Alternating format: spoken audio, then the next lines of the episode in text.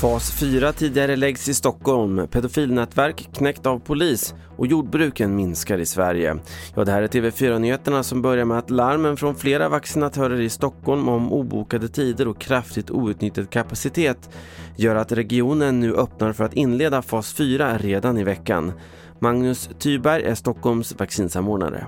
Det är väl rimligt att anta att när vi ser att, eh, att bokningstrycket minskar och att vi har många eh, som eh, som är vaccinerade i gruppen att vi då kan fatta beslut om att, att tidigare lägga starten av, av nästa grupp. Och idag inledde både Region Kalmar och Region Värmland fas 4. Idag meddelades att tysk polis har stoppat en av Europas största pedofilplattformar på Darknet, alltså det alternativa internet. Tre huvudmisstänkta har gripits och fler gripanden är att vänta, även i Sverige som också deltagit i arbetet med nedstängningen.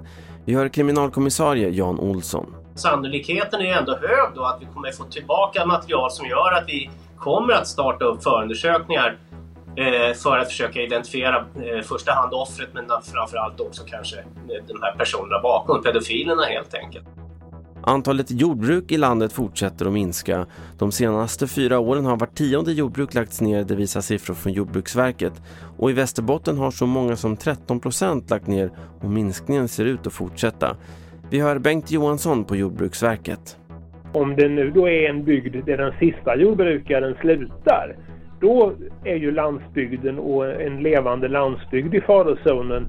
Sist om att Facebook på onsdag beslutar om ifall USAs tidigare president Donald Trump ska få komma tillbaka till Facebook och Instagram. Det här meddelar ett oberoende övervakningsorgan tillsatt av sociala mediejätten.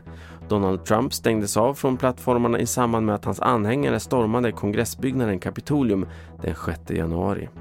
Det var senaste nytt från TV4 Nyheterna. Jag heter Carl-Oskar Alsen.